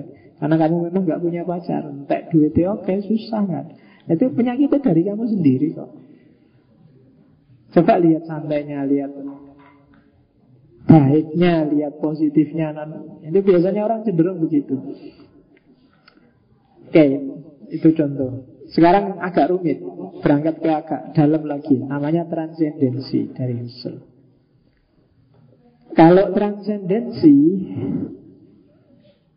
jadi transendensi itu gini loh. Orang memahami itu misalnya HP ini cuma tak lihat atasnya. Aku tidak lihat bawahnya. Tapi tanpa lihat bawahnya, aku yakin dan otomatis tahu pasti ada bawahnya. Itu namanya transendensi. Logikanya namanya logika transendental. Sama, transendensi, logika transendental. Jadi, meja ini sejak tadi aku tidak kelihatan kakinya yang sebelah sana. Hanya lihat kakinya ini. Tapi tanpa lihat kaki yang sana, aku sudah yakin bahwa di sana pasti ada kakinya. Itu namanya transendensi. Melampaui yang kelihatan. Kalau nanti diusul bisa melampaui dirimu sendiri Melampaui pengetahuanmu hari ini. Itu melampaui. Itu namanya transendensi Kamu lihat temenmu sama pacarnya Tiba-tiba booking hotel Berdua masuk kamar. Tanpa kamu lihat ada adegan apa di dalam kamar kamu kan sudah bisa menyimpulkan. Ah, mesti itu. Tidak mungkin tahajud atau tadarusan Ya kan? Kamu nggak lihat faktanya Tapi kamu bisa simpulkan. Itu namanya logika transendental. Jadi banyak variabel lain Banyak faktor lain yang terlibat Hanya dari satu fenomena Hanya dari satu fakta. Itu namanya logika transendental Kayak tak bilang tadi, aku nggak lihat aslinya apa, tapi begitu lihat kamu anggap berarti kamu ngantuk. Padahal mungkin kamu nggak ngantuk, tapi semua variabel mendukung bahwa kamu ngantuk. Jadi itu namanya logika transendensi. Jadi melihat realitas itu sering-sering orang sebenarnya melakukan transendensi. Kayak kamu tadi loh, cuma lihat aku minum, tapi kamu menyimpulkan, wah haus ya pak. Kamu nggak ngerti bener aku haus sama, tapi kan kamu bisa menyimpulkan. Habis ngomong panjang terus minum haus ini mesti. Kan gitu. Dengan cara berpikir transendental. Kalau dalam agama apalagi sangat dibutuhkan logika yang jenisnya transendental ini Karena kamu nggak bisa ketemu langsung sama malaikat nggak bisa ketemu langsung Yang bisa kamu tangkap kan cuma gejalanya nggak bisa ketemu kusi Allah, nggak bisa ketemu malaikat, nggak bisa ketemu setan, nggak bisa ketemu jin. Kamu mungkin ketemunya cuma gejalanya. Makanya dunia itu kan disebut dunia transenden, dunia yang beyond fisik, di balik fisik kalau dalam agama. Cuma maksudnya logika transendental itu ya cara berpikir yang tidak terpaku pada fakta dan fenomenanya. Itu yang pertama. Yang kedua, logika transendental berarti setiap objek ya kayak tadi, sebenarnya dia berkaitan dengan dunia di luar dirinya yang itu tidak terbatas sifatnya. Contohnya ini. Ya kayak tadi loh, palu. Palu itu dia bisa bermakna mainan, dia bisa bermakna alat, dia bisa bermakna dagangan, dia bisa bermakna mesin pembunuh, dia bisa Palunya satu, tapi dia bisa berkaitan dengan banyak hal tergantung dihubungkan sama siapa dan tentang apa. Cara berpikir yang model begini itu namanya logika transendental. Jadi menyimpulkan sesuatu tidak hanya berdasarkan fenomena yang kelihatan, tapi dilihat dari hubungannya dengan banyak hal di sekeliling fenomena itu. Tidak terpaku pada profil yang kita tangkap. Tapi kita pertimbangkan juga banyak profil lain. Tidak hanya melihat Oh ini ada atasnya. Pasti juga ada bawahnya berarti. Profil yang lain, perspektif yang lain. Jadi kamu lihat Oh Jogja ini kok mulai hujan ya? Pasti besok banjir ini. Karena tak lihat Godnya sudah mampet semua Nah ini namanya cara berpikir transendental tidak hanya melihat fakta yang kelihatan hari ini, tapi melihat semua yang berhubungan dengan fakta itu. Dan hubungannya sama kebenaran berarti kalau pakai logika transendental, kebenaran itu nggak ada batasnya. Setiap pikiran bisa kamu iakan, bisa kamu tidakkan, tergantung konteksnya. Tergantung kondisinya, tergantung syarat-syaratnya. Kalau berdasarkan logika transendental. Indonesia ini krisis apa enggak sih? Tergantung kamu lihat apanya dulu. Kalau kamu lihat jumlah orang yang punya HP dan punya televisi dan punya motor itu mungkin nggak bisa kita bilang Indonesia itu krisis. Dealer-dealer di Kemarin saya naik bis itu jajar sama polisi dari Sleman itu. Di Sleman itu setiap bulannya saja di seluruh dealer itu permohonan BPKB baru itu sekitar setiap bulan adalah 1100 motor baru Sleman loh 1100 sak bulan motor baru. Tak pikir berarti setahun berapa? 1100 kali 12 12 ribu motor baru. Bayangkan. Baru loh ya Belum yang second-second yang kamu jual beli di toko bagus itu. Itu tidak masuk hitungan. Ya kan Maka logikanya ya pantas Kalau sekarang Jogja macet. Belum mobil.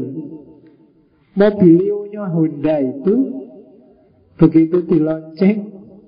Dan hari ini saya tidak tahu sudah grand launching apa belum tapi se-Indonesia sudah ada yang pesan 11 ribu.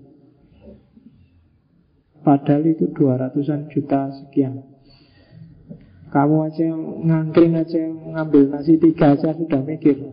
Apalagi mobilio urung, urung tekan pikiran urung tekan. Oke.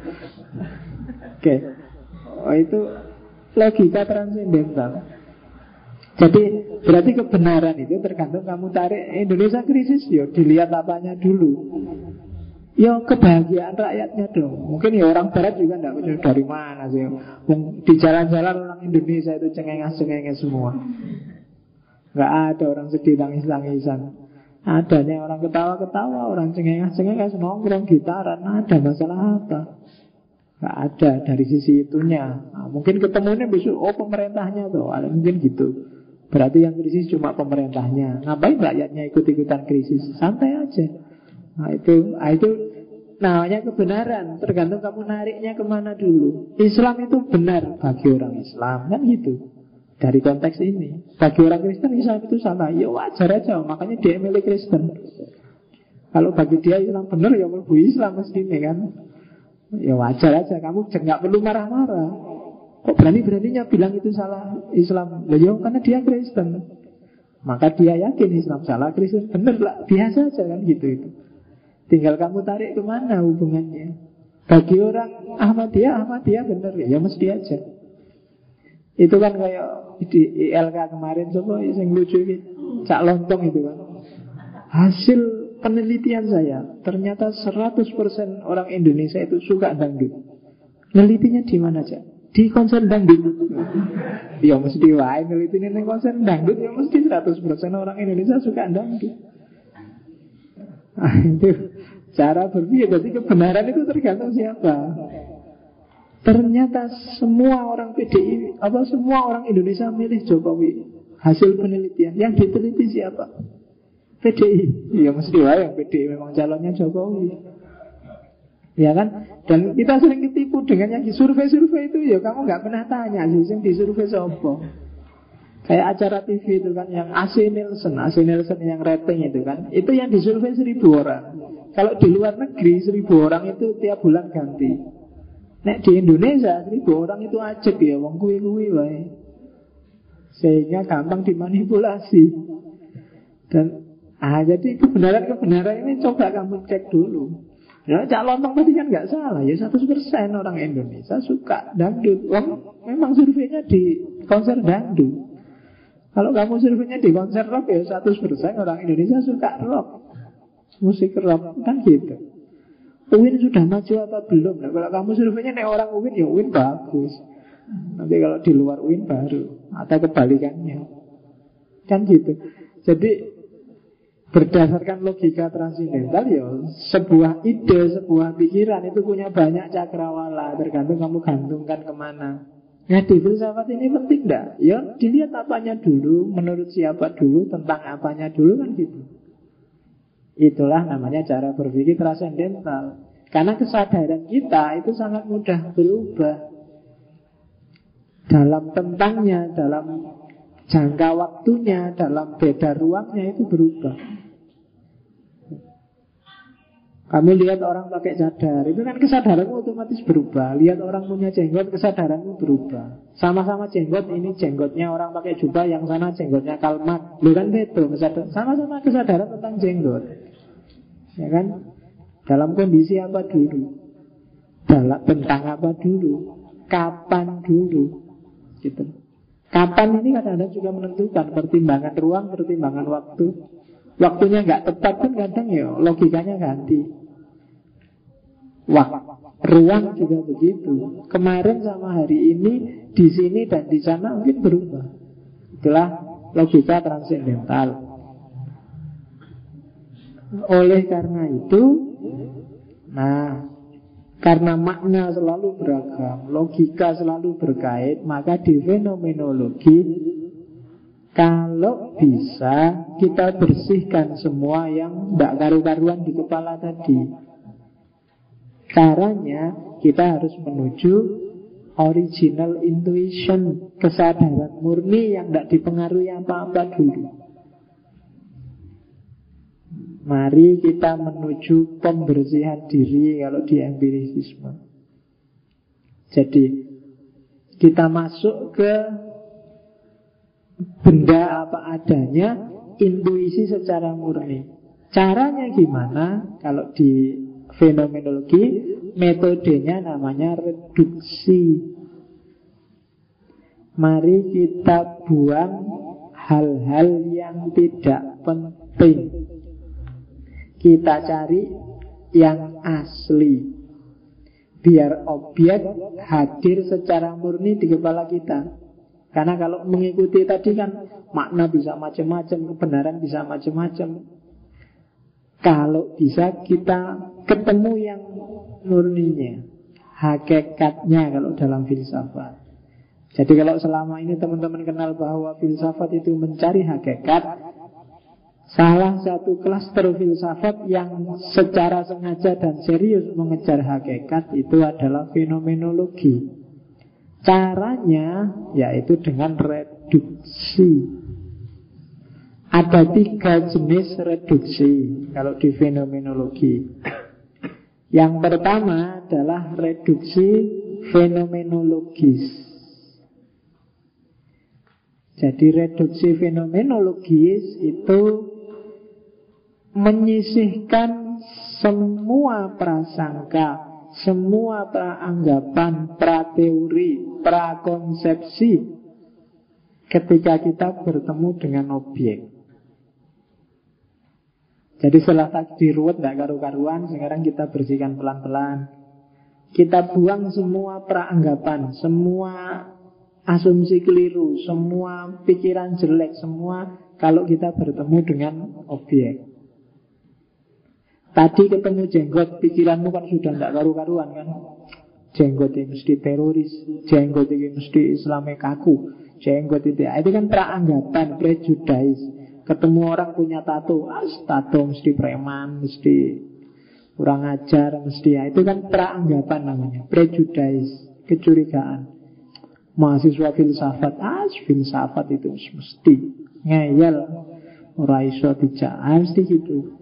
Sesat filsafat itu ah, itu namanya prejudis bahwa mungkin ternyata memang ngeyel setelah diteliti sesat tidak apa-apa. Tapi sebelum kita akses objek kita memahami sesuatu untuk bisa kita murni ketemu dengan kesadaran yang asli yang pertama-tama itu di ditanda kurungi dulu disisihkan dulu. Bahwa mungkin memang orang jenggot itu Islamnya keras Tapi coba ditanda kurungi dulu. Biar objeknya hadir secara asli Secara sejati. Nah itu namanya Praanggapan, prateori, prakons Karena di kepala kita ini sudah banyak sekali prejudis macam-macam Kita ngalami banyak hal Kita memasukkan banyak data tanpa filter Sehingga kadang tidak karu-karuan di sini Begitu lihat apa, komentarnya langsung apa. Begitu ketemu apa, komentarnya langsung apa. Karena ini sudah penuh. Begitu dengar Farhat Abbas yang di kepalamu mesti, apa Farhat Abbas? Dewi Persik, ah, siapa lagi Dewi Persik? Julia Perez, ah, itu namanya prejudis. Nah, kamu berarti langganan infotainment. Kita bersihkan. Namanya reduksi fenomenologis. Setelah reduksi fenomenologis, setelah kita bersihkan semua prasangka buruk, suudon kalau bahasa agamanya, kayak orang Indonesia hari ini itu kan kebanyakan suudon. Begitu saya ngomong DPR mesti DPR mesti korupsi. DPR mesti kan mesti gitu. Itu namanya prasangka. Mahasiswa demo kurang kerjaan mesti aktivis kuliah lulus lulus mesti mesti ah, mesti gitu kan itu prasangka Ya, mesti mahasiswa tua, ya, mesti mahasiswa. Nah itu itu prasangka. Meskipun mungkin iya kayak gitu, disisihkan dulu. Biar kita bisa membaca realitas secara lebih cermat.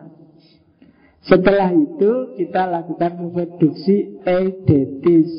Eidos. Eidos itu arti kata dari intisari.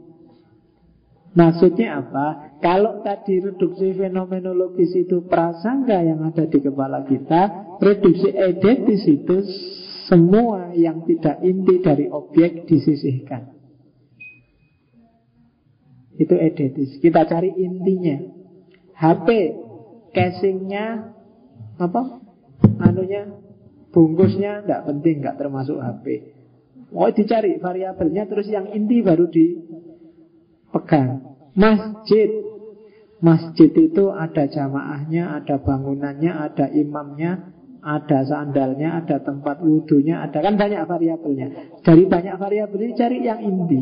Inti itu ciri paling gampang adalah kalau dia dibuang, maka kalau masjid nggak jadi masjid. Misalnya gini, kalau nggak ada bangunannya masih bisa disebut masjid nggak? Bisa nggak? Ayo, kalau nggak ada sandalnya masih bisa disebut masjid. Kalau nggak ada tempat wudhunya masih bisa disebut masjid. Masih. Kalau nggak ada bangunannya Enggak apa ya? Dianggap enggak ya, dianggap enggak wis aku dono bangunan nih. Orang ketang bangunan itu cuma garis apa pokoknya bangunan. Harus ada imamnya enggak? Kalau enggak ada imam enggak bisa disebut masjid berarti. Harus ada jamaahnya enggak? Bisa karep ngomong cuma contoh, jangan dipikir serius. Oh ini bukan ujian salah ya apa-apa Cuma gambarannya seperti itu. Misalnya tadi Oh berarti masjid itu intinya Ada imam, ada jamaah, ada bangunan. Di luar itu semuanya nggak inti. Oh berarti tiga ini. Itu inti Berarti kita baca tiga ini dari masjid. Kan gitu. Itu namanya inti. Itu namanya reduksi edetis. Mahasiswa berarti. Apa sih hakikatnya mahasiswa itu ada demonya, ada kuliahnya, ada konsultasinya, ada kosnya, ada bukunya, ada banyak kan. Di sini tuh mahasiswa harus demo nggak? Nggak harus. Mahasiswa harus kos nggak? Nggak harus. Mahasiswa harus kuliah nggak? Oh iya kan? Lo ini nyari inti masalahnya. Ya. Oke, kalau tak tanya sekarang, mahasiswa harus pakai sepatu nggak? Yo, sakar pula mumpung neng masjid. Jadi itu namanya reduksi edetis. Kalau tadi yang fenomenologis berhubungan dengan orangnya, coba jangan ada prasangka. Kalau yang edetis itu barangnya. Temui yang intinya dong, jangan yang tempelan. Kamu mau meneliti orang yang berjenggot, jenggot itu kok ya inti. Kalau jenggot itu tidak inti, tidak ada hubungannya. Islam garis keras, macam-macam kan variabelnya. Yo, apa apa kalau nggak ada jenggotnya dia nggak bisa disebut garis keras. Oh bisa, berarti jenggot nggak inti. Juga berarti mungkin juga nggak inti. Batuknya hitam-hitam mungkin juga nggak inti. Nah, intinya apa sih ya? Itu tinggal kamu kejar. Nah itu namanya reduksi edetis. Tampilkan barangnya secara sejati, secara murni. Biar kamu nggak terjebak. Kadang-kadang orang keliru. Yang dibahas itu yang artifisial. Yang dibahas itu ternyata yang nggak penting. Kalau ingin agar apa Minuman keras bebas dari tempat kita ya Jangan menguli yang jualan. Mungkin itu tidak inti. Intinya pembebasan Mungkin pemerintahnya aja yang kamu keperui Kamu demo biar melarang peredaran minuman keras termasuk importer dan eksportirnya dan seterusnya. Itu namanya menemukan inti. Itu namanya itu yang disebut hakikat. Jadi setelah kita jernih karena prasangkanya dibuang, kemudian kita bersihkan objeknya secara edetis. Dan yang terakhir namanya reduksi transendental. Reduksi transendental itu itu reduksi yang melampaui diri kita sendiri. Jadi reduksi transendental itu kita tadi kan pra, sudah dibuang. Biasanya kita membaca sesuatu itu punya misi, punya tujuan, punya keinginan pribadi, punya hasrat. Nah itu kalau kita bisa menyisihkan ini juga berarti kita sudah bisa melakukan reduksi terakhir, reduksi transendental. Saya ingin meneliti tentang orang sekaten karena bagi saya sekaten itu cenderung agak musyrik itu, agak bid'ah itu. Nah, ini kan misimu sebenarnya. Nah, ini bersihkan juga. Lampaui dirimu. Dan reduksi transendental dengan segala hasrat keinginan. Kalau tadi kan prejudais, kalau prejudais itu tempelan dari luar yang kamu ambil. Tapi kalau transendental itu dirimu sendiri sekarang harus kamu kalahkan. Subjektivitasmu. Apalagi hasrat pribadimu, ambisi pribadimu itu bersihkan. Itu namanya reduksi transendental.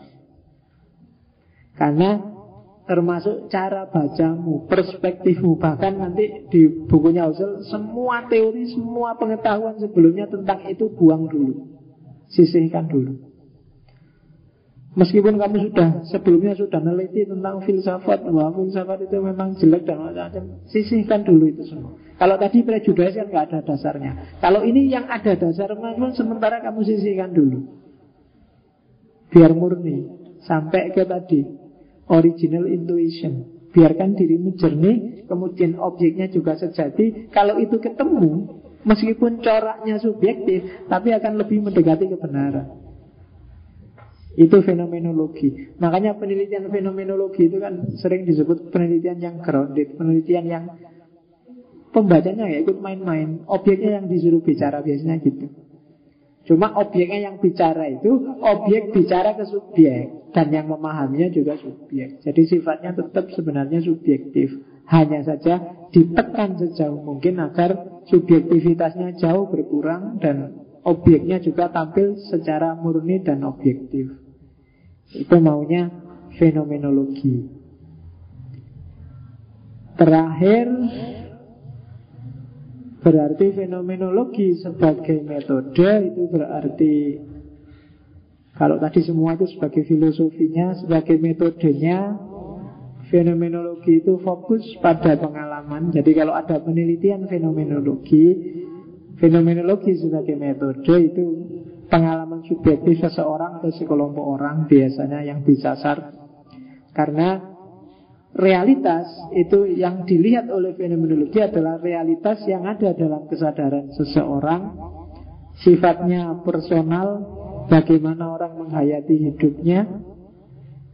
Perspektifnya adalah perspektif objek perspektif pelakunya yang diteliti kemudian memahami makna yang ada di sekeliling kita, kemudian meyakini ada hakikat, ada inti, dan yang terakhir bahwa satu-satunya yang bisa kita pahami adalah yang bisa kita amati dan kita alami.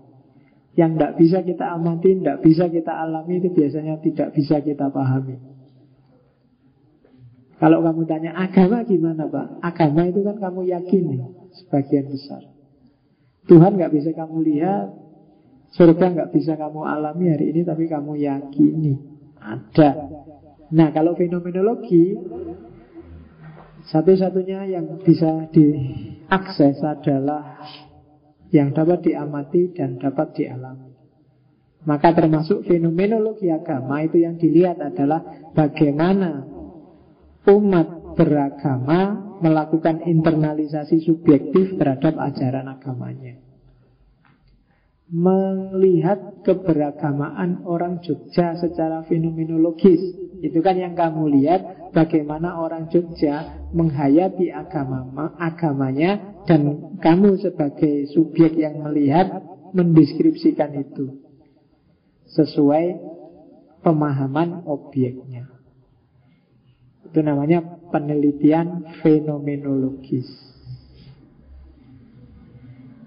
Oke, itu terakhir dari fenomenologi. Silahkan yang mau ditanyakan yang belum paham.